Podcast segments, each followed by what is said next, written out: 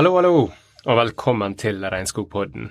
Podkasten som handler om regnskogen og mennesker som jobber med å bevare den. Mitt navn er Andreas Francisco, og i dag har jeg vært så heldig at jeg har fått prate med Anders C. Krog, som er vår aller første gjest. Han Anders jobber som seniorrådgiver innen politikk i Regnskogfondet, og grunnen til at jeg har prata med nettopp han, er fordi han har kanskje den sprøeste historien jeg noen gang har blitt fortalt. I 1999 var han Anders bare 23 år gammel, da han reiste ned til Sør-Amerika og deretter langt inn i regnskogen for å finne et urfolk som heter matsesene. Målet var å bo med dem resten av livet. Det neste året viste seg å bli et ganske så innholdsrikt år for unge Anders, som i 2006 ga ut ei bok om den unike reisen. Den boka heter Med Jaguarens kraft. Ærlig talt, iblant hadde jeg faktisk litt vanskelig for å tro på denne historien her, fordi den rett og slett er så filmatisk. Ikke bare finner han Matsesene og bor med dem, men han ender også opp med å oppdage et helt annet urfolk som er helt ukjent for omverdenen. Han tar rare psykedeliske substanser, blir med på mange jungelvandringer og kommer til og med i konflikt med et tømmerhogstkartell som viser seg å samarbeide med en helt annen type kartell, som er langt farligere. Mer vil jeg ikke spoile. Det her skulle egentlig bli en episode på rundt én time, men det måtte bli, som du skjønner, en del lenger enn som så. Det ble altså tre episoder om Anders i tid med urfolka i Amazonas, og i episoden du hører på nå, del én, blir vi kjent med Anders og barndomsdrømmen om å bo i regnskogen, og ikke minst hvordan han i det hele tatt klarte å finne en stamme som ville akseptere han som sin egen. Takk for at du hører på. Håper du koser deg like mye som vi gjorde da vi tok opp denne historien her, og god lytting.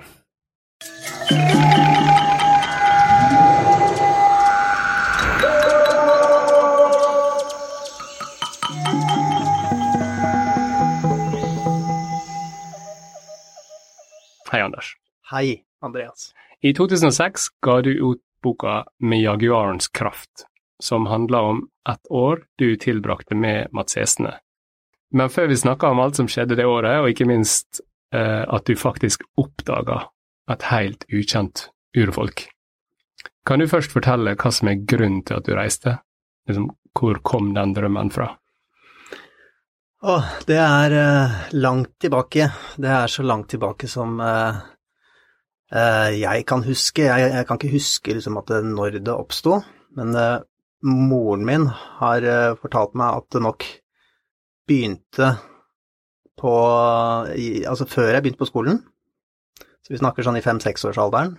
Jeg kan selv huske fra den tiden at jeg var veldig opptatt av natur og dyr.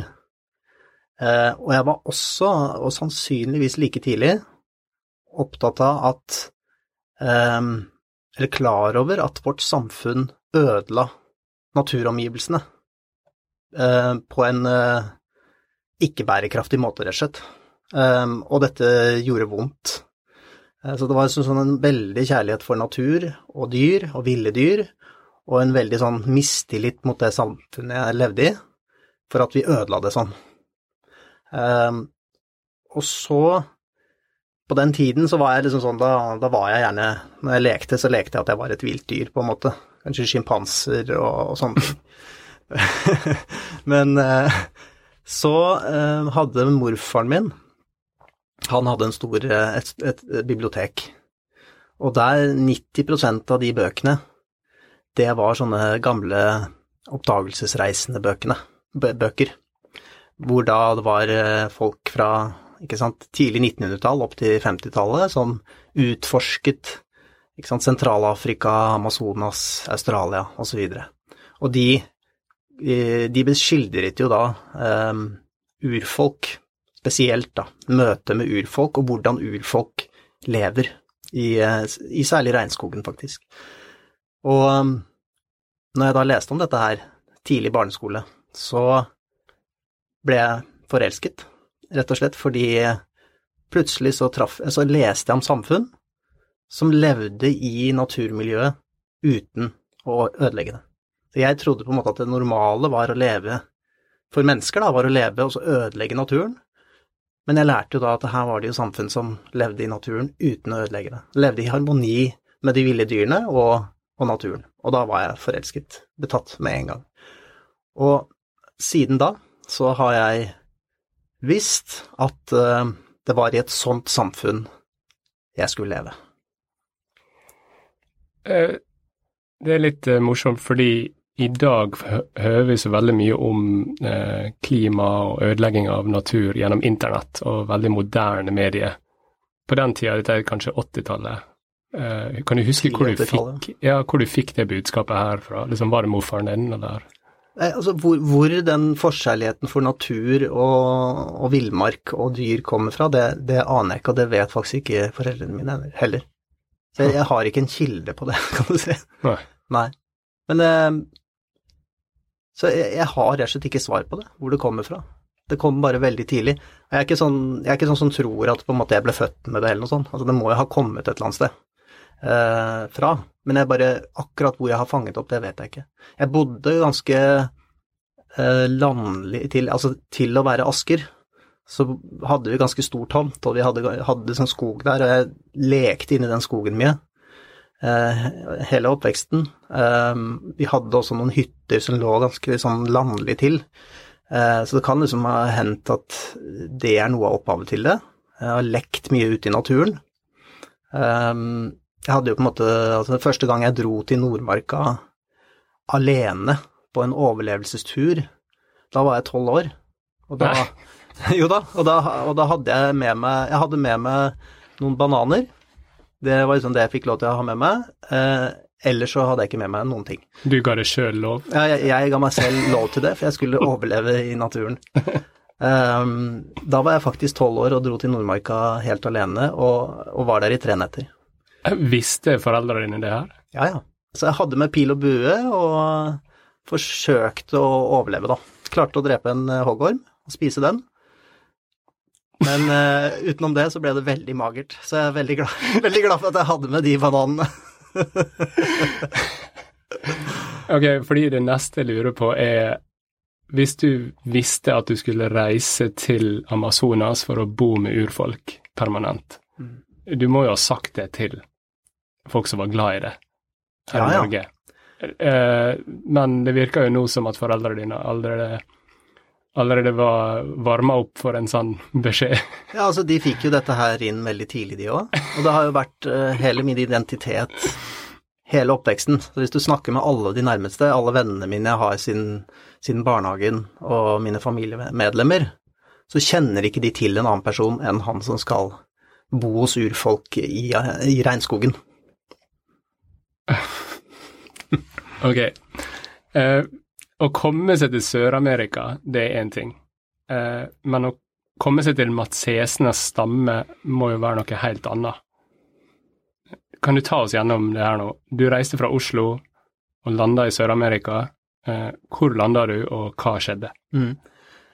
Det liksom, hvor, hvorfor drar jeg dit til å begynne med, er kanskje greit å bare nevne, fordi etter hvert så, så um, måtte, etter hvert som, jeg måtte jo på en måte finne mitt sted. Jeg kunne ikke bare dra et sted. Jeg hadde et spesifikt sted i Amazonas jeg ville til, som heter Javaridalen. Eh, og det kom jeg frem til etter, etter mange år. Det var, var, vel på slutten av ungdomsskolen jeg egentlig bestemte meg for at det var dit jeg skulle dra, og til Matsesen jeg skulle bo. Og det var fordi eh, Nettopp fordi jeg var så oppslukt i dette. Jeg leste jo alt som var mulig å oppdrive om regnskog og urfolk i regnskog. Um, og fant frem til da at dette grenseområdet mellom Peru og Brasil er sannsynligvis det området i verden hvor det fortsatt bor stammer uten kontakt med omverdenen, ikke sant. Um, og det var det som førte meg dit, da. Altså derfor jeg satte nesen den veien. Okay. Og, og kjøpte da en enveisbillett til Peru um, for å flytte dit. Så det var uh, Dro til Peru, dro til Iquitos, som er da faktisk verdens største by uten vei- og togforbindelse. Der, eh, på den tiden så var det vel en 400 000 innbyggere i, i den byen. Eh, og den er altså omsluket av tropisk regnskog på alle kanter. Det ligger midt inni peruansk Amazonas. Eh, og det er nærmeste by du kommer til i Avaridalen.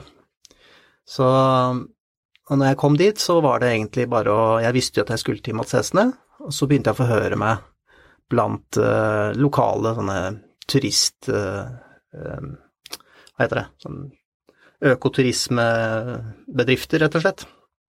Som drev med det og tok turister ut i regnskogen utenfor byen, da. Og hørte om det var noen som kunne hjelpe meg ut i Javaridalen. Og det var det? Du fant én person? Ja, altså det tok jo to uker uten noe hell. Det var, og det var mye sånn De visste ikke hva jeg snakket om. De som på en måte skjønte hvor jeg ville, kunne være litt sånn der hånlige og naiv, liksom tenke at jeg var veldig naiv som skulle komme meg helt dit. Ja, Jeg ser Det for var, meg og det, var, det var faktisk Jeg husker særlig én person. Han sa det jo på tull, men han var litt sånn eh, jeg «Ai, De innfødte der inne kommer til å sikle på det møre, hvite kjøttet ditt. Eh, det, er, det er egentlig ikke dette du vil. Altså, det var liksom den holdningen, da. Eh, så, ja.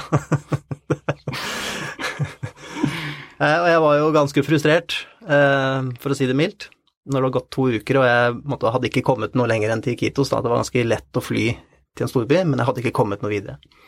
Og jeg fant styrke ved å gå ned til elvebredden og, og se over Amazonaselven og se over på regnskogen på den andre siden, eh, hvor du ser da denne, sant, denne grønne, eh, grønne randen på andre siden av regnskog, og så og jeg liksom sugde til meg inspirasjon eh, hver kveld da, eh, ved å stå der. Den kvelden før jeg skulle dra, så kom det da en eh, tjukk mann, liten tykk mann, inn på det lille motellet jeg bodde på, og, og spurte etter meg. Og så sa, spurte han meg da om eh, er det, er det du som vil bo hos kattefolket? Kattefolket. Kattefolket, ja. Fordi matsesene ser ut som katter. De har disse værhårene som stikker ut av nesa, som de stikker sånne strå eh, Kvinnene gjør det, da. Inn i nesa. Lange strå. Det ser ut som værhår. Um, og, det gjør at de får et sånn katteaktig utseende, da. Og så har de tatovert uh, ned kinnet og rundt munnen og opp kinnet igjen Um, kattetenner, kan du si. Jaguartenner, egentlig, da. Um, så, så Først så skjønte jeg ikke helt, for jeg hadde ikke hørt det bli, de bli, bli kalt for kattefolket før, da, så jeg skjønte ikke helt hva han mente. Men uh, når han sa, så nevnte han da eh, Majorona på det tidspunktet, da. Eh, For det var Majorona-folket jeg, jeg var på leting etter da. Jeg visste ikke at de kalte seg selv for Matses. Så skjønte jeg det med en gang, og så sa han at uh, faren hans kunne hjelpe meg ut, da. Eh, og da slo jeg jo til med en gang. Så da, eh, dagen etter gikk du og møtte faren han, hans. Ja, og så um, Da dro jeg til den adressen han hadde gitt meg, denne mannen, eh, og, og kom til kontoret til faren da på kvelden. Og når jeg kom inn der, så bare skjønte jeg liksom at åh, jeg skjønte at jeg var kommet til liksom Nå var jeg på vei. Da så jeg, jeg husker særlig et sånt bilde jeg så på veggen der. Så jeg så bilde av en eh, Majorona-mann som sto og spente bunnen sin opp. Han var helt naken. Ehm, og så sto det sånn nakne kattekvinner rundt han, uh, så ut som katter da. Ehm, og jeg bare ble stående og se på det bildet, og, og bare betrakte det og, og drømme meg bort, uh, egentlig. Uh, og, så, og så snur jeg meg rundt, og så ser jeg han sitte bak en sånn stor pult, han er en liten mann. Ikke sant? Sikkert et hode mindre enn meg. Og på den tiden var han 68 år gammel. Han het Moises Torres Viena. Hmm. Og så satt han der og smilte bak, bak den pulten, da. Og så fortalte han meg da at eh, han har, eh, han har jobbet i den peruanske hæren i hele sitt voksne liv. Eh, Var, nå, var oberst da når han gikk av med pensjon, og hadde eh, trent den peruanske hæren i jungeloverlevelse. Det var hans eh, spesialitet. Han hadde også vært med å trene eh, amerikanske styrker i Panama eh, i jungeloverlevelse, så han var ganske dreven fyr. Han hadde vært på en rekke sånne eh, øvelser i Javaridalen, og hadde besøkt matsesene ved flere anledninger. Eh, det var mange år siden sist, jeg tror det var 10-15 år siden sist han hadde vært der, da. Eh, men eh, jeg bare satset på Altså, jeg bare gikk med på dette her. Altså, hadde det, han var mitt, min beste sjanse. Så, så ga han meg valget, da, når vi skulle komme ut. Eh, nei, hvordan vi skulle komme ut, så det var på en måte en lang, en billig og lang vei, og så en kort og dyr vei. Og den billige og lange veien var med båt, og det er eh, to til tre hele uker eh, med båt fra Iquitos. Eller så kunne vi leie et sjøfly og komme dit på et par timer. Som du måtte betale for? Som jeg måtte betale for, ja. Mm. Og det Jeg mener å huske at det tok halve, halvparten av pengene mine som jeg hadde igjen, Mm. å leie det sjøflyet. Så jeg, jeg, det var en sånn derre Det var litt sånn derre satse alt og eller feile. Altså det var litt sånn satse alt på dette her, og går ikke, så, så feiler jeg, på en måte. Mm. Altså det, da har jeg ikke midler nok, sannsynligvis, til å forsøke et annet sted, da. Men jeg gjorde det. Altså jeg var så, jeg var så gira, jeg var så keen på å bare komme meg ut, så jeg satsa på det. Ja, liksom, før vi kommer på det aller første møtet med Mm. Mats Esne, hva du hadde med deg av utstyr? Jeg, lurer litt på Ja, ikke sant, for jeg, jeg hadde jo Jeg dro hit uh, med den formening om at jeg skulle jeg skulle, ha, jeg skulle ha med meg minst mulig. Ikke sant? Så, og jeg skulle jo egentlig jeg skal, Eller jeg skulle leve som Mats Esene. Og jeg så for meg at de hadde ikke spesielt mye vestlige ting. Ehm, så når jeg kom ut på flyplassen der og, og møtte Moises eh, den morgenen etter, så um, så sto jeg der i en singlet og en badebukse. eh, og eh, sandaler. Og så en liten tursekk. Sånn, sånn typisk sånn sekk du ville tatt med på en søndagstur. Eh, oppi der så hadde jeg eh, Jeg hadde selvfølgelig med kamera og masse kameraruller. Dette var før eh, digitalkameraens tid. Så jeg hadde med en 50 kam kameraruller. Eh, så hadde jeg med slangemotivt som jeg hadde fått av en jeg ble kjent med i, i Kitos. Hadde med en penicillinkur, mener jeg det var, eh, og en hengekøye med myg- myggnetting til. Og det var basically it. Det var det jeg hadde med. Eh, og han, eh, når jeg traff Moises, så så jeg han sto jo da i full utrustning med sånn slagstøvler, eh, militærbukse, militærjakke. Han hadde ikke hjelm, men han hadde på seg en, hadde på seg en cap. Eh, en svær sekk, selvfølgelig. Han måtte jo ha med meg, for han hadde jo med proviant og sånne ting. Det, det er greit nok. Men han hadde jo med en bare sånn personlig sekk full av klær og, og, og ting, da, rett og slett. Og han, når han så på meg, så bare rista han på hodet. Han, altså han, han, han lo ikke engang. Altså, han bare rista på hodet, og så sa han eh, eh, bare at, basically at eh, vi kan ikke dra sånn. Jeg er nødt til å gå og pakke, og så må vi dra i morgen. Um, og da sa jeg at Altså, ble jeg stående der, så ble jeg litt irritert, og det var ikke snakk om, for min del, å gi meg nå. Og jeg var veldig bestemt på dette her. Uh, en ting til jeg hadde med, faktisk, som jeg glemte å si, det var eh, plastperler, da. Det, hadde han, eh, det var i sekken min, og det hadde han overtalt meg til å kjøpe. Han ville at jeg skulle ha med masse ting, altså macheter, kopper og kar, ja, godteri, sukkertøy, masse sånne ting som han vet at indianerne liker godt. Og plastperler, da. Det eneste jeg gikk med på, var egentlig å ta med de plastperlene. Og det er viktig å ha med seg noe Du må ha med gaver, da, når du kommer. Sånn at eh, ellers, ellers er det rett og slett frekt. Det er liksom frekt å komme til et eh, folk eh, eller en landsby og liksom og skulle bo der, og så ikke ha med seg noen ting. Vise en slags eh, sjenerøsitet gjennom det, da. Eh, så jeg hadde med det. Hadde med to kilo med plastperler, ganske stor pose, i alle mulige farger. Bare ikke hvit og sort, for det syns de visstnok ikke var noe fine farger. Eller det, det syns de ikke var så spennende. Men så sto jeg der, da, og så vurderte jeg han, og jeg synes jo, han, han jo jeg så tåpelig ut. Jeg syns han så tåpelig ut. Eh, han så ut som en eh, kommandosoldat som skulle på øvelse.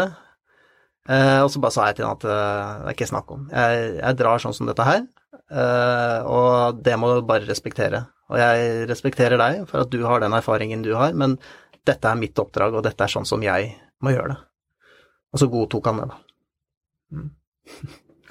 Ok, jeg kjenner jeg er veldig spent på å høre om eh, det første møtet med Mats Hestene. Mm. Dere tok fly, og så Ja, og da er det og, og du kan si, så tok vi fly, og det var Jeg hadde jo fløyet til Iquitos, men det var jo et stort passasjerfly. Du får jo ikke veldig får ikke så veldig inntrykk av det som er under deg fra det, et sånt passasjerfly. Også fordi det flyr veldig høyt. Men eh, nå var det første gang jeg så regnskogen ordentlig ovenifra, da. Alt, ikke sant, det er jo det. Jeg tror det er mange, mange som har det bildet av en tropisk regnskog, så er det dette sammenhengende grønne løvteppet som bare går uendelig i horisonten, i hvert fall i Amazonas, da. Og dette var første gang da, hvor jeg, hvor jeg så det. Jeg var oppe i et uh, lite sjøfly. Det var plass til bare fire-fem personer, altså med, med, fører og sidemann. Og så var det meg og Moises, så tror jeg det var plass til én passasjer til. Eh, og så hang vi der og dingla over uh, denne regnskogen, bare, og hadde den så nære. Og det var bare en helt utrolig opplevelse. Å se det sammenhengende, eviggrønne, bare uh, løvdekket bare så langt øyet kan se. Det går ikke opp og ned. Det er helt flatt, og det er helt sammenhengende og grønt. Og du føler jo når du henger der, at denne skogen er helt uendelig. Altså, det er ikke ende på den, føler du. Eh, og det, og det gir en sånn Og det, jeg har jo fløyet over regnskogen mange ganger etter det, og når du flyr over sånn, så gir det deg en liten sånn Det er litt godt å se. Få det perspektivet på det. At det er fortsatt mye igjen. I hvert fall i Amazonas. Fordi det er klart, når du jobber med dette her, og du kjenner tallmaterialet, og du vet hvor mye som forsvinner, og det er dramatisk, men når du sitter da i et sånt småfly eh, over regnskogen og ser dette teppet, så får du en litt sånn god følelse. Jeg gjør i hvert fall det. Mm. Det er fortsatt mye igjen å redde. Mm. Og så tenkte jeg selvfølgelig bare på hva er det som er under meg. Nå er det, ikke sant, Jo nærmere og nærmere du kommer i Avaridalen, ikke sant, så tenker jeg jo bare at nå, nå, hører de kanskje flyet vårt, ikke sant. Helt ukjente stammer hører kanskje flyet vårt, og du drømmer deg inn i dette her, da. Og så, etter et par timer med, hvor vi bare har flydd over eh, et sånt grønt sammenhengende krondekke, så kommer det en åpning i skogen, eh, hvor vi da ser en landsby. Og og vi er da på vei til uh, grensen mellom Peru og Brasil. Dette er Javarielven. Den danner riksgrensen mellom de to landene. Uh, og vi er på vei til en militærpost som er stasjonert på grensen, egentlig, langs denne elven. På peruansk side av grensen. Og den åpner seg opp bare midt, plutselig, midt inni denne regnskogen. Og da ser jeg jo sånne Og så er det en sånn Ser, ser tydelig militær, eh, militærdelen Sånne grønne, grønne hus med bølgeblikk. Og så er det en sivil landsby til dem, eh, som ser mer eller mindre ut som en sånn Altså typisk peruansk landsby med palmebladshytter og litt sånn noen betonghus her og der. Og så ser jeg at, liksom, at folk stimler ut av husene når, når fly, flyet kommer, da. Så lander vi på elven, og når vi har, når vi har landet, så er jo jeg er sikker på hele landsbyen har rukket å komme ned dit da, og stå på den bryggen. Det er helt stappfull. Så det, det, er første møte. Dette er jo Dette er eh, kan du si peruanske fiskere og, og småbønder som bor der. Så det, er ikke Det er ikke urinnvånere enda jeg møter. Men eh, de bor jo Dette er på matsesenes land. Det er sånn porten inn til deres land, da. Mm. Og så er vi der, eh, blir vi liksom, man merker jo da Moises er en slags helt der, og alle i militærleiren de, de på en måte er utrolig glad i han og glemmer han og ser på han som en type helt. Så han er jo en døråpner de luxe. Eh, blant annet han ga, han, på grunn av han jeg fikk tillatelse fra militæret til å dra videre oppover og sånne ting. Ja, for du måtte ha tillatelse? Mm, måtte det. det og um, jeg, en av grunnene tror jeg bare er at de vil ha kontroll på hvilke folk, altså ikke-urinnvånere, som beveger seg innover sånne områder. Sikkert av sikkerhetsmessig hensyn for den personen også. De vil gjerne ha på en måte protokoller på det, at det er en person fra det og det landet som drar innover her. Bare sånn sikkerhetsrutine, rett og slett. Og så er det jo også et grenseområde, dette her. Så det, så, det, er av, av rikssikkerhetsmessige grunner også, at, de, at du må ha tillatelse til å dra innover, da. Eh, så er vi da i den eh, Vi er i den eh, landsbyen to-tre dager. og gjør oss klare der. Vi får, får leid oss en båt med motor av en kjøpmann der, en sånn lokal kjøpmann, for å dra videre oppover. Men så, før vi drar, så ble jeg vekket av Altså før vi kommer oss av gårde, så ble jeg vekket av Moises en morgen hvor han er helt sånn ekstatisk, da. Altså, og så sier han til meg 'Nå er de her, nå er de her, kattefolket, de er her'.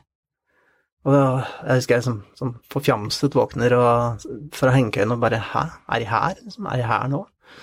Synes var, jeg syns det var litt rart, for jeg hadde ikke hørt egentlig noe om at de kom til denne landsbyen her, da. Ja, ja, de står her borte. Og så går jeg bort, og jeg ble, jeg ble som en sånn derre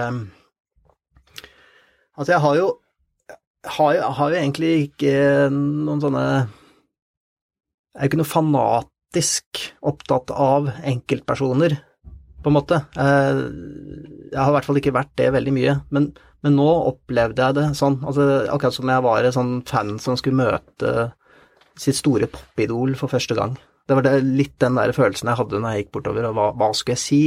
Hvordan vil, de, hvordan vil de synes at jeg er? Hvordan de ser på meg? Altså, jeg hadde alle de tankene der, da. Og så, så, går jeg bort, og så ser jeg, så ser jeg da de to, eh, to uh, menn som står i en kano og er åpenbart indianere, da. Og da ser jeg jo disse karakteristikkene med de. De hadde på seg sånn herre Begge hadde på seg sånn, to sånne fillete shortser som var sånn, de hang i filler. Eh, han ene hadde på seg en eh, ganske sånn slitt T-skjorte, og så hadde de denne tatoveringen eh, rundt ansiktet, men så har de også Indianerne har, har, noen ansiktstrekk som helt klart skiller de fra vanlige peruanere, da. og så sto de der og hadde et sånt Hadde noe kjøtt nedi båten, og der lå det jo pil og bue, ikke sant. Eh, så alle, alle mulige tegn på at dette her var Mats Hesfolk var, var, til stede da. Var det motorbåt? Nei, det var kano. Mm. Og så Og så gikk jeg bort, og så Og så ble jeg stående der. Og, og, så, og, så, og så, ble de ganske opptatt av meg, de to, da. Uh, han ene hadde faktisk en sånn tatovering som gikk på skrå, på brystet her i, i to sånne streker. Eh, en tatovering som jeg også fikk etter hvert, da. Eh, men eh, så ble de opptatt av meg, og de begynte å snakke til meg da, på Mats S. De begynte å de snakke til meg, men de snakket også til Moises og, og så videre. Og så var det da en annen der, han jeg kunne se han, han var sånn kledd i, han nærmest kledd i liksom en skjorte og ganske sånn fint kledd. Og jeg så han, han hadde også eh, tatovering i ansiktet, og tydelig at han bodde i landsbyen, og han var Matsesa. Han var litt mer vestlig kledd? Han var mest vestlig kledd, tydelig, men han var helt tydelig Matsesa. Og så drev han og Han kunne oversette til meg, da. For de spurte meg, så spurte de da første de spurte om, da var som om jeg var misjonær, da. Og da bare uff, stakk det i brystet. jeg fikk den. ja, for du visste om historien ja. med misjonærer? Ja. Ja. Veldig tidlig var jeg kritisk til misjonsvirksomhet hos, uh, hos urfolk. Mm. Eh, og hva det hvilke, Hvor skadelig det er, rett og slett, for, uh, for urfolk. Hvilken skade det kan være. og jeg hadde også en del info om Mats Sesenes kontaktsituasjon. Da. Så jeg ble forferdelig skuffa når de spurte om det, og ristet på hodet og nei, nei. Og bare gjorde det jeg kunne for å vise at jeg ikke, ikke det. Um, ja, ok, og så, var det liksom Men så, og så lurte de på om eh, jeg ville kjøpe kjøtt. Altså de ville, de ville, det de var der for, var å bytte til seg kjøtt for å få patroner til geværene sine. For han ene sto, han ene sto med et gevær, og han var også, også med løpet på en måte åpent. Og så pekte han på at han, ikke sant, inne i løpet. De ville ha patroner.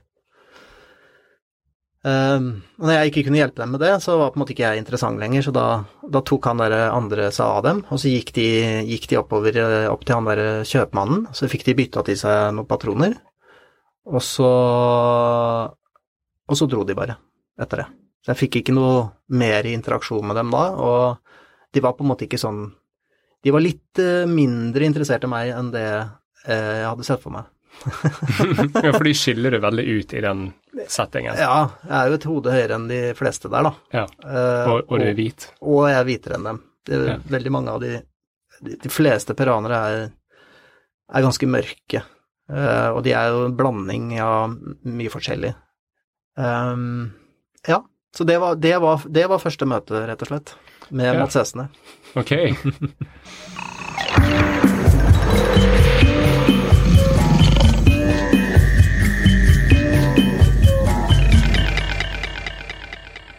Jeg traff jo han, eh, denne Matses-mannen som eh, Altså, jeg, jeg traff jo de to Matsesene som eh, var for å bytte til seg patroner, de dro igjen. Men så var det jo en, en Matses til der som kunne, kunne spansk, som jeg da kunne snakke litt med. Og han Så jeg, den kvelden så gikk jeg og, og snakket med han. Og da lærte jeg jo veldig mye. Han fortalte jo veldig mye om, eh, om eh, Da spurte jeg jo ut ikke sant, om, om matsesene, eller majoronene på den tiden. For det var hele Det var det vi prøvde å finne ut av her, er måte hvor er de mest isolerte majoronene. Jeg var fortsatt på, på leting etter en, en ukjent stamme, altså en ukontaktet stamme, som jeg kunne leve, leve hos. Og jeg trodde på dette tidspunktet at det kunne være eh, ukontaktede majorona-grupper som jeg kunne møte, da.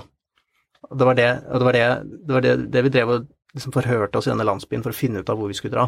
Ja, for du ville ha kanskje det mest autentiske Ja. eh, urfolket? Jeg ville, ha, jeg ville ha et folk som ikke hadde noe spor etter Vesten i seg Ja. overhodet. Ingen rifle og patron, ingen vestlig skjorte? Og... Nei, ingen, ingen, Ja. ingenting, og, og heller ikke noe tankesett som var eh, påvirket av det. da. Mm.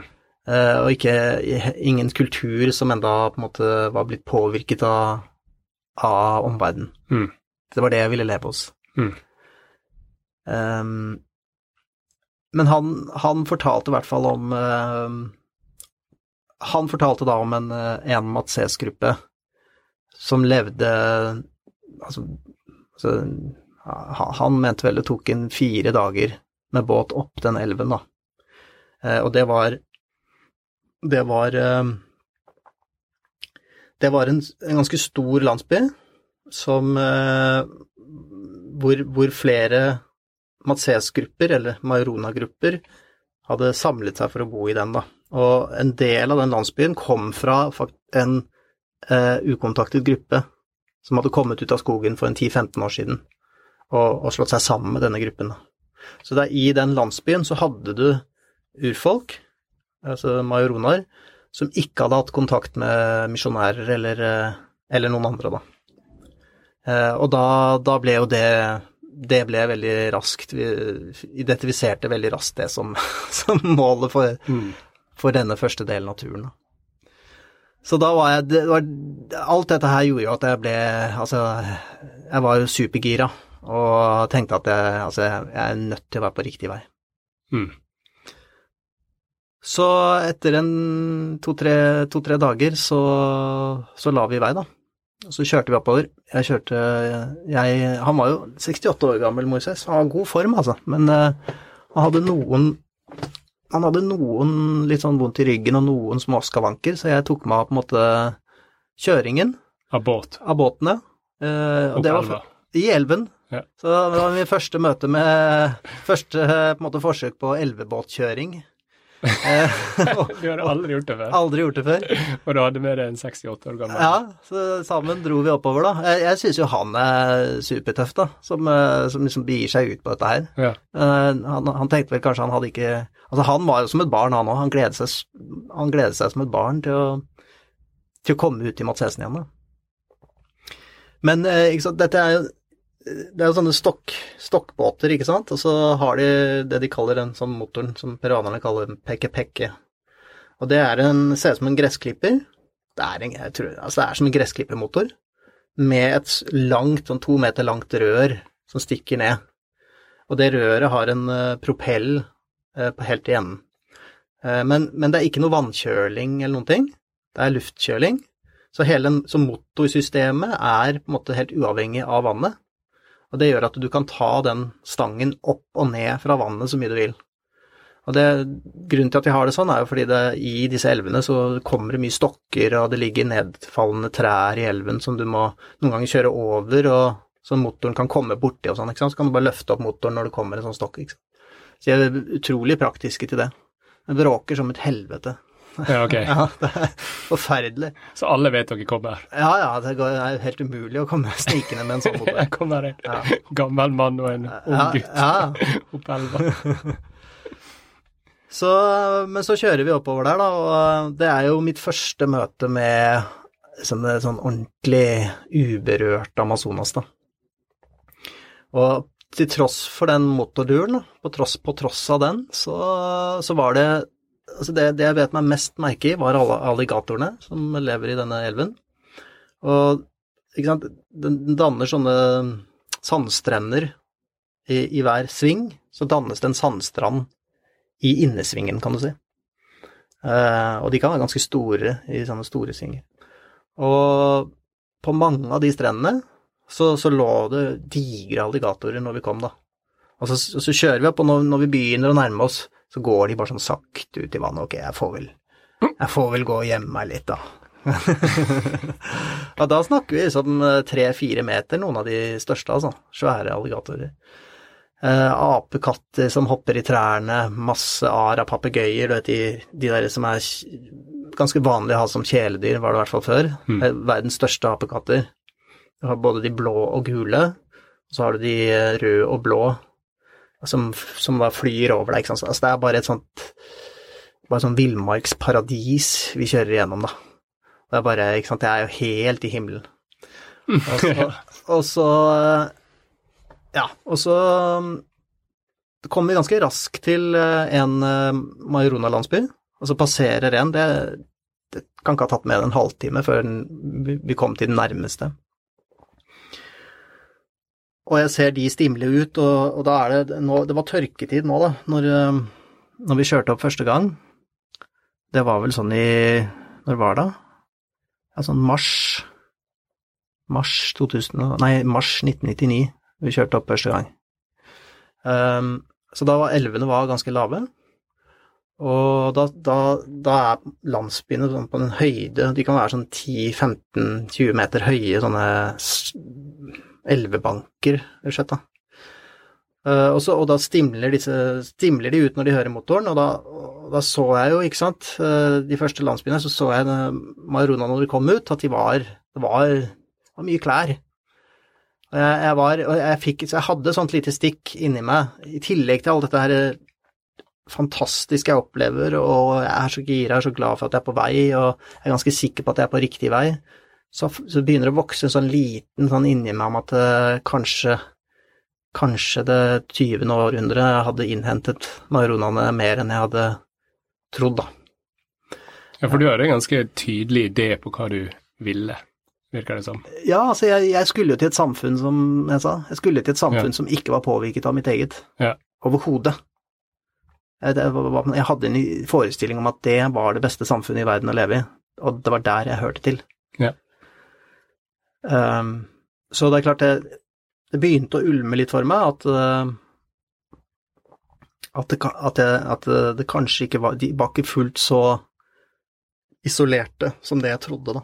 Maronaene, selv om dette her er vanvittig isolert, altså dette er jo så langt ut i Amazonas som du kan komme omtrent, så, så begynte, det- begynte jeg å skjønne at ok, eh, misjonærene hadde nok kommet seg langt ut i Amazonas, de også, før meg.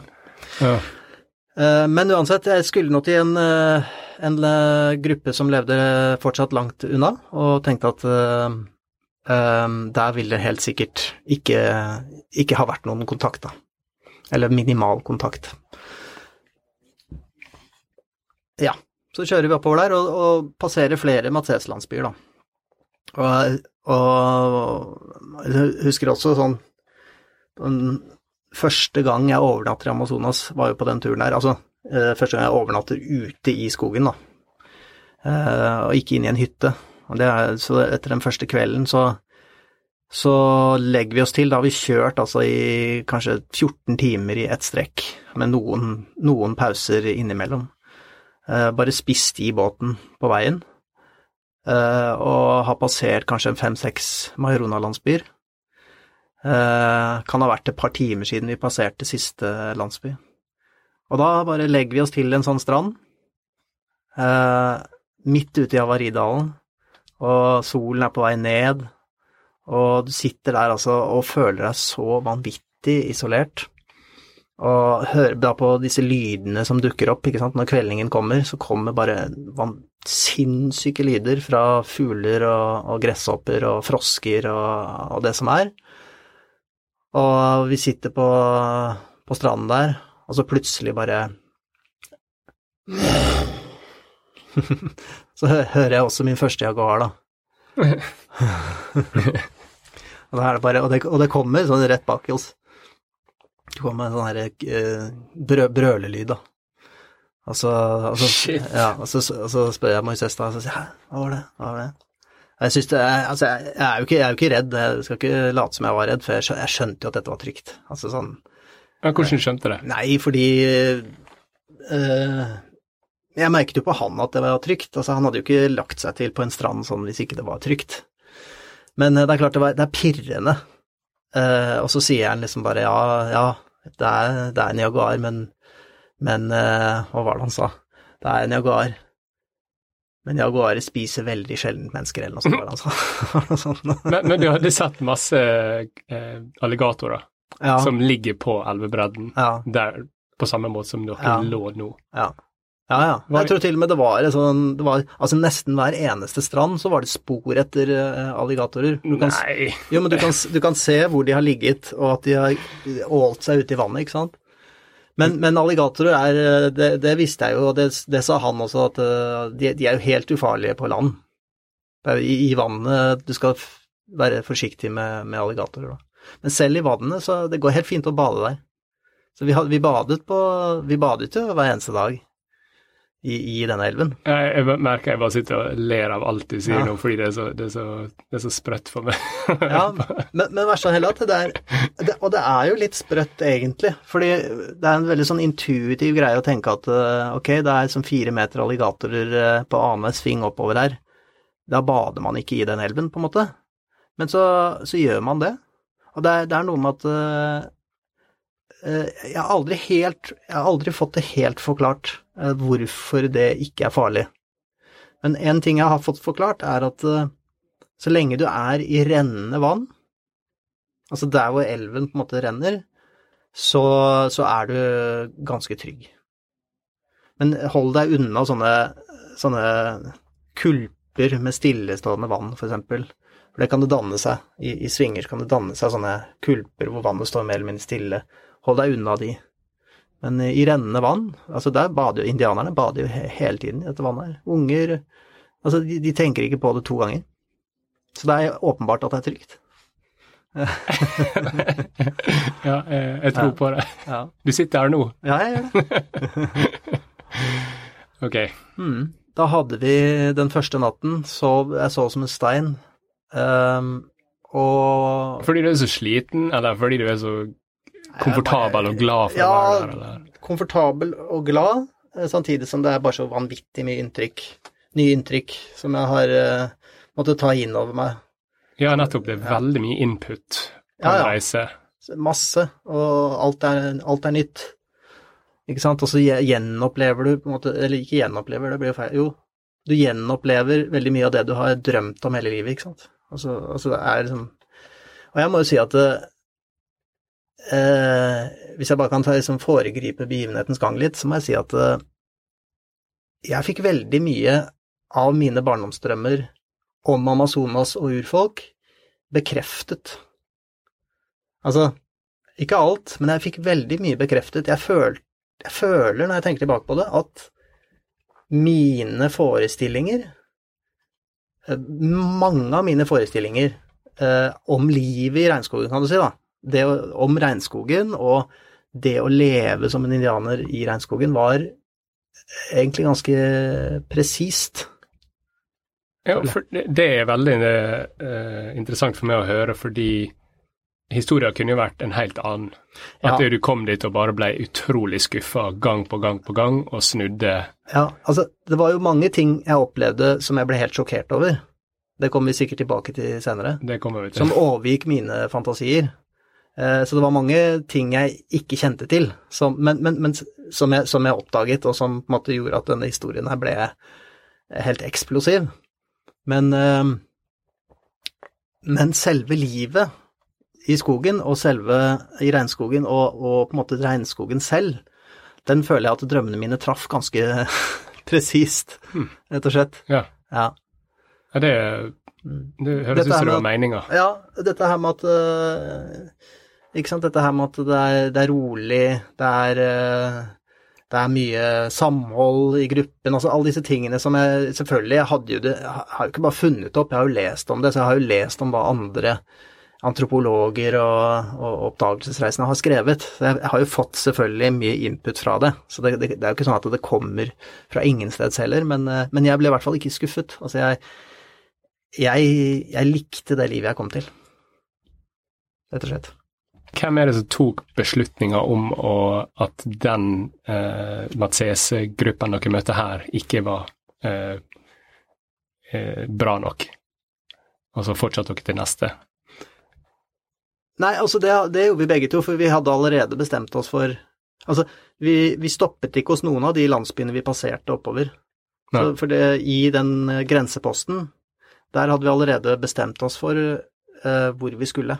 Ok, ja, dere visste Ja, vi visste at uh, på en måte vi skulle dit. Det er den mest isolerte okay. ok. eh, av dem alle. Det hadde, vi, det hadde vi funnet ut i, Ja, ok. i, den, i den grenseposten. Mm. Så det var aldri Eller etter det så var det aldri snakk om å stoppe og prøve ut og besøke andre landsbyer oppover. Ok, Var det fristende å stanse?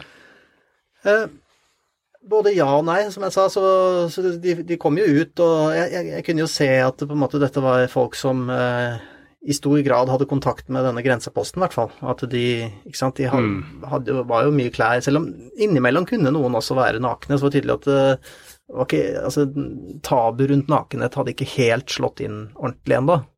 Men eh, ikke sant, det kunne være båter med eh, motorer nedenfor landsbyen og sånne ting, ikke sant. Så det, det eh, Sånn sett så var det ikke så fristende, egentlig. Det, var ganske, for min del da var det veldig åpenbart at det, var ikke det jeg lette etter. Mm. Det, så jeg, vi måtte opp til den andre. All right, fortsett. Eller, ja, den siste. Ok, så, så drar vi oppover, og på den femte dagen Jeg går litt Altså, det er klart at eh, i boken så står jo, står jo dette her veldig presis. Jeg går litt surr i akkurat var det fem eller seks dager og sånne ting, så jeg, ikke arrester meg på akkurat det. Men eh, jeg tror, jeg tror det var den femte eller sjette dagen, så, så Og da, da, altså, da hadde vi ikke passert Da er det et døgn siden vi har passert en, eh, en, en Majorona-landsby. Eh, og, og nå begynner vi, og så har vi kjørt altså et døgn uten å se noen, og vi begynner å nærme oss på en måte. Vi har passert antall dager som eh, denne mannen i grenseposten sa det skulle ta opp dit, eh, og vi begynner liksom å lure på ok, nå burde vi jo være her snart. Eh, så vi, vi, vi stopper opp og tenker liksom ja, hva skal vi gjøre, eh, kan det hende at, den, kan det hende at vi har passert den, kan det hende at den, at den er borte, at de har flyttet vekk, ikke sant, Eh, men vi ga det, vi tenkte ok, vi gir det en dag til da. Og så fortsetter vi opp den dagen, og sånn på ettermiddagen så, så plutselig så liksom, så, så ser Moises noe, og så roper han sånn chakra, det betyr sånn åkerlapp. Og så, og så peker han på, og så ser vi det, og så er det en sånn her eh, åkerlapp som åpner seg da, eh, på, på elvebredden. Og så ser jeg liksom nedenfor åkerlappen, jeg Og den åkerlappen, den ser ut som Altså, eh, det er jo ikke en kornåker, dette her. Det er, det er maniok de dyrker der. Sånn rotfrukt. Og det er sånn to-tre meter høye busktrær. Så det, det, som, er, som, som vokser der, da. I, på et område det er kanskje sånn 50 ganger 50 meter. Uh, uh, og du ser veldig tydelig at det, ikke, at det er en kultiver, et kultivert område, da. Og, nedenfor eh, eh, den åkerlappen så, så ser jeg noe som sitter på huk. Eller, eller jeg ser noe som sitter der. En, først så lurer jeg på om det er et dyr, og så kommer vi nærmere, så ser jeg at det er et menneske som sitter på huk. Og når vi kommer enda nærmere, eh, så ser jeg at det er en naken dame som sitter på huk. Hun driver og vasker seg og, og sånn. Og så Og da er vi ganske langt unna. Først så hører hun lyden, og så, og så, ser hun på oss. Og så lar hun oss komme ganske nærme, kanskje sånn 100 meter, eller hvor mye kan det være? 50-100 meter. Og så reiser hun seg, og så begynner hun å skrike.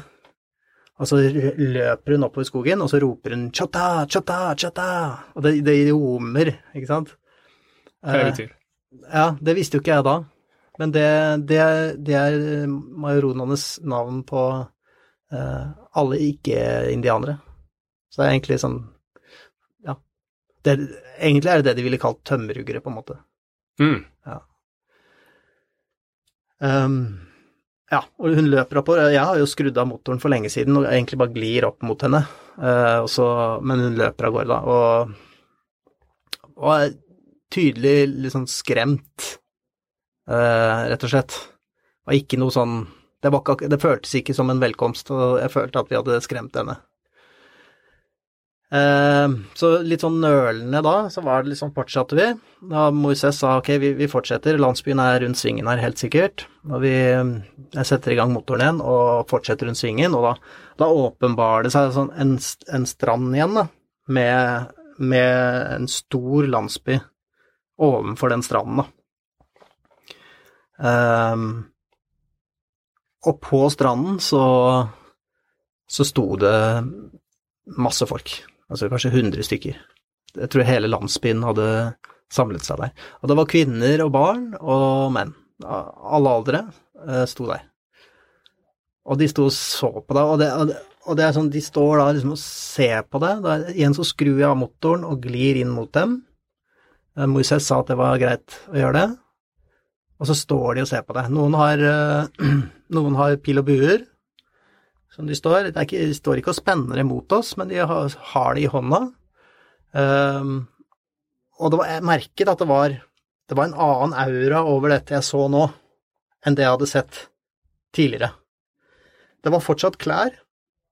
Det var ikke sånn at eh, Og jeg så også noen bære på, bære på noen macheter og, og sånne ting. Eh, men det var sånn at eh, noen kunne gå Noen kunne ha på seg en shorts. Alt var fillete. Noen kunne ha på seg en T-skjorte, men være helt naken nedentil. Jeg la merke til e, særlig én mann, en eldre mann. Han hadde på seg noen sånne sorte slagstøvler. Men de var, liksom så, de var så svære, var helt åpenbart ikke noe praktisk å gå med de for han. Så det var sånn, det, det jeg bare merket, var at de de hadde på seg klær fordi det var noe nytt og rart. Altså mer den type måten å gå med disse tingene på, heller enn at det var praktisk og, og uh, fint. Mm. Og bare det inntrykket jeg fikk, da. Uh, og så var det også nakne mennesker innimellom. Og vi bare glir opp til uh, inn til stranden, og når måte, båten eh, treffer stranden, så, så, trekker alle seg litt tilbake. var, var, du redd? Ja, altså, da, da, gikk hjertet lite grann. Altså, ja. jeg, jeg, var ikke redd for dem. Jeg, jeg, ikke, jeg, følte ikke at de kom til å skyte oss, f.eks., uh, hvert øyeblikk, eller noen sånne ting. Det, det, det, og det ga ikke mening heller. Men det er klart at jeg følte meg ikke velkommen. Det gjorde jeg ikke. Det var jo ikke noe sånn det var ikke noe sånn at de sto der, det var ikke sånn som når vi kom til grenseposten, hvor alle bare ja, var helt sånn og kom i land og liksom, ikke sant. Uh, her var det jo skepsis uh, vi ble møtt med. Uh, ja. Og så Så ser jeg på Moses altså på, på, denne tiden her så, så, la jeg på en måte Moises styre showet tenker at han er eksperten, så han får Mens jeg har han, så får han eh, Han får ta avgjørelser her. Og, da, og så ba han meg ta frem plastperlene. Ja. ja. for dere hadde den eh, inngangen, den ja. åpningen. Ja, han gikk faktisk i land først, uten de. Så han gikk i land først, eh, og da gikk de enda litt mer tilbake. Og så spurte han, spurte han på spansk, da er det noen som kan spansk her. Og så var det liksom ingen, ikke noe svar, da spør, spurte han en gang til, fortsatt ikke noe svar. Og det var da han spurte meg, sa til meg kom med, kom med plastperlene. Og da gikk jeg i land med plastperlene. Jeg ga det ikke til han, men jeg holdt i hånden selv. Og så holdt, holdt jeg sånn plastperlene foran meg. Og så sa jeg, og så hadde Moises lært meg at uh, venn på språket deres For han kunne, han kunne kanskje ti gloser da, fra, fra majoronene, han Moises. Han hadde lært meg at kombo, det betyr venn. Og så sto jeg der, og så, og holdt jeg plastperlene ute, og så sa jeg kombo, da. Kombo, kombo, og så, og så drev jeg pekte på meg selv, da. det er ordentlig sånn derre Det er sånn derre typisk sånn du kunne sett på film, da. Ja. Sånn litt sånn dårlig Hollywood-film, egentlig. Sånn. Ja. Det høres bare så naivt ut. Ja, ja. Og så, og så, er, og så ser de liksom sånn, og så ser de på meg, og så, og så, og så sier jeg det igjen, da. Kom på, kom på, og så går jeg nærmere, ikke sant. Og så kommer hun, eh, hun eh, som vi først så, eh, hun som hadde skreket og vært redd for oss og ropt 'shota' oppover skogen. Oppover, ja. Hun kom ut av folkemengden, og så gikk hun bort til Gikk liksom sånn veldig bestemt bort til hånden min. Ikke noe redd. Veldig bestemt. Gikk bort, og så tok hun den posen. Og så gikk hun tilbake, og så, og så stimlet folk rundt seg, og så begynte de å se på det, og særlig damene da, begynte å se på det, og begynte å fordele, for det var masse sånn mindre poser med Inni den store posen jeg hadde, så var det mange mindre poser eh, med, med plastperler i. Og så ble det fordelt rundt og, og sånne ting. Og så plutselig var det liksom en stemning som var lettet, da.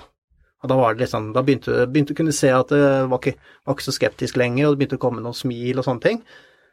Og så kommer han eh, mot meg, han, eh, han som går med disse her altfor store slagstøvlene. Så kommer han bort til båten, og så står han og så ser han veldig sånn lengtende ned i båten, står han og ser sånn. Og så, og så går jeg bort til ham, og så ser jeg at han ser på eh, machete som ligger der, da. Og så, og så, og så gjør jeg liksom tegn, så tar jeg den opp, og så gir jeg den til han, macheten. Det er en machete vi har med som, altså, for å bruke. Var egentlig, egentlig ikke ment som en gave. Vi hadde med kanskje ti macheter, men det sa Moises vi trenger macheter, på en måte, for å overleve i jungelen. Mm. Og så gir han den, og da, og da lyser den opp, da. Og, bare, og da er på en måte isen altså brutt, og og han bare ikke sant, gjør sånn, bare blir med opp. Og så blir vi med dem opp. Og, da, og da, da, er det løs stemning, og de stimler rundt oss, og de ser på oss, og jeg føler meg liksom sånn Da, da føler jeg meg som en uh, oppdagelsesreisende, rett og slett. Jeg føler jeg har kommet til på en måte Bortsett fra på en måte uh, de, de, vestlige tingene jeg ser, så føler jeg at jeg er en sånn som har kommet til et nytt, nytt land, da. Hva andre vestlige ting du ser? Nei, det er de tingene jeg nevner.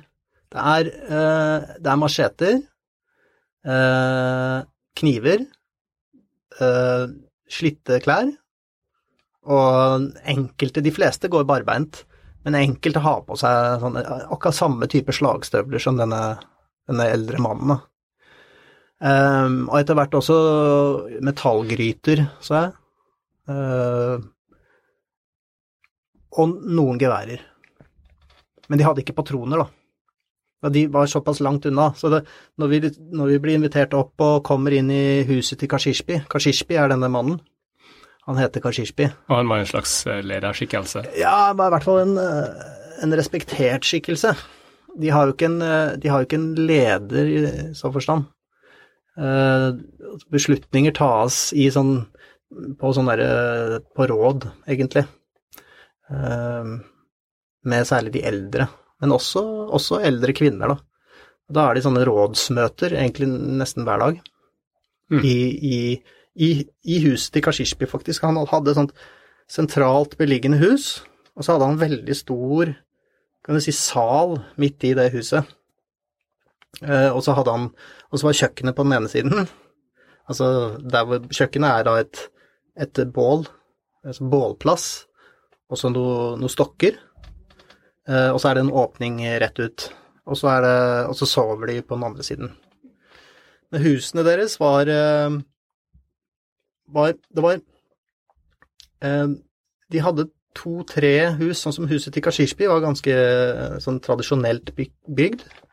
Hvor det var palmeblader som dekket hele huset nesten ned til bakken. Mens de fleste andre husene var bygget mer i sånn, sånn, mer sånn klassisk stil som er introdusert til indianerne, da. Den derre klassiske skråtak, vegger, eh, også på påler. Det er sånn som egentlig peruanere, peruanske bønder og fiskere også bor, da. Men alt er av naturlig materiale, da. Eh, og, og måten takene er bygget på, med flatt, flettede palmeblader, veggene er bygget av en bark på et tre, alle disse, disse tingene kommer fra indianerne. Eh, gulvet er også laget av den barken fra det treet. De, de skjærer ut av, av, et tre, så skjærer de ut Tenk deg eh, en sånn En del av barken da, fra et tre, og, og river den av rundt sånn. Og det er en sånn kanskje to centimeter tykk bark som de både kan bruke til å rulle ut vegger og rulle ut til å gå på sånn gulv. Så de bruker hendene sine til å rive av barken? Ja, altså de bruker jo machetene for å løsne dette her, ja. når, de, når, de, har macheter. Før de hadde macheter, så brukte de bambus. Uh, og, og tennene til en gnager som heter mahas. Det er en sånn Det er som en bever, egentlig. Det blir som en bevertann. Da. Det var, det, de, det var jo det skarpeste de hadde mm. før, før, metallet kom, eh, som de brukte. da. Så du kan si alle materialene, den, de teknikkene der, kommer fra eh, indianerne. Men selve formen på konstruksjonen på mange av hyttene eh, var, uh, var, mer var sånn som at de andre peruanere ville bygd det. Ikke sånn som indianerne tradisjonelt bygde det. Det var to-tre hus som fortsatt var i sånn tradisjonell stil. Og de er, sånn, de er mer runde med De har ikke vegger. Det er bare egentlig et tak som bare går rett ned i, i bakken på alle sider, og mer sånn rund form. Og så er det bekmørkt inni der, ser ingenting. Um, ja. Så Kashishpi bodde i et sånt hus. Og, og det var også et samlingspunkt for uh, det, Altså viktigst samlingssted.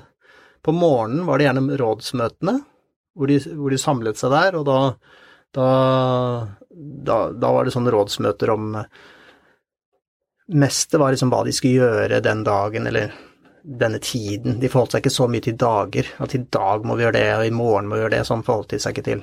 Men uh, hva som skal gjøres først, da. Ikke sant. Er det et tak som må repareres?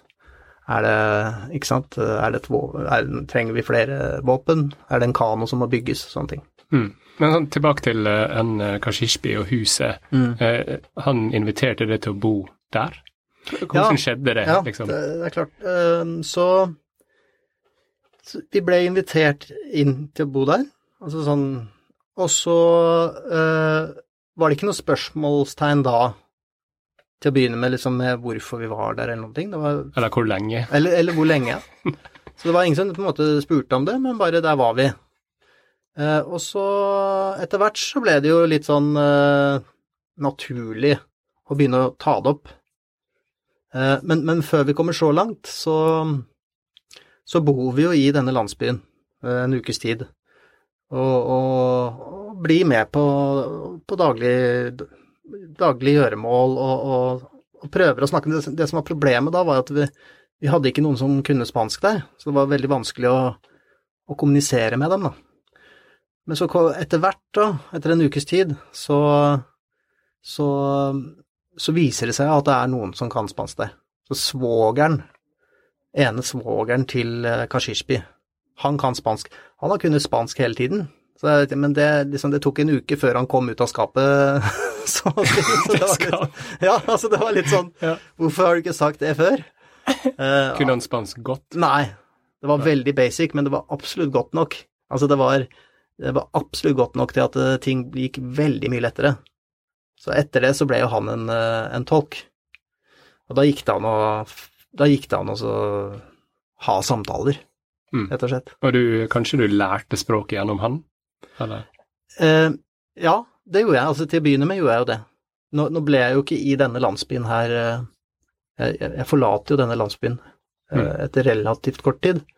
Etter et par måneder bare. Mm. Men eh, så mesteparten av mm, språket lærer jeg eh, sammen med noen andre. Men eh, ja, absolutt. Det var, absolutt, det var jo begynnelsen på, begynnelsen på min basic uh,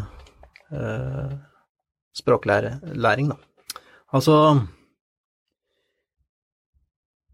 fordi det var jo Altså, etter hvert så var det jo naturlig å, å måtte fortelle hvorfor jeg var der.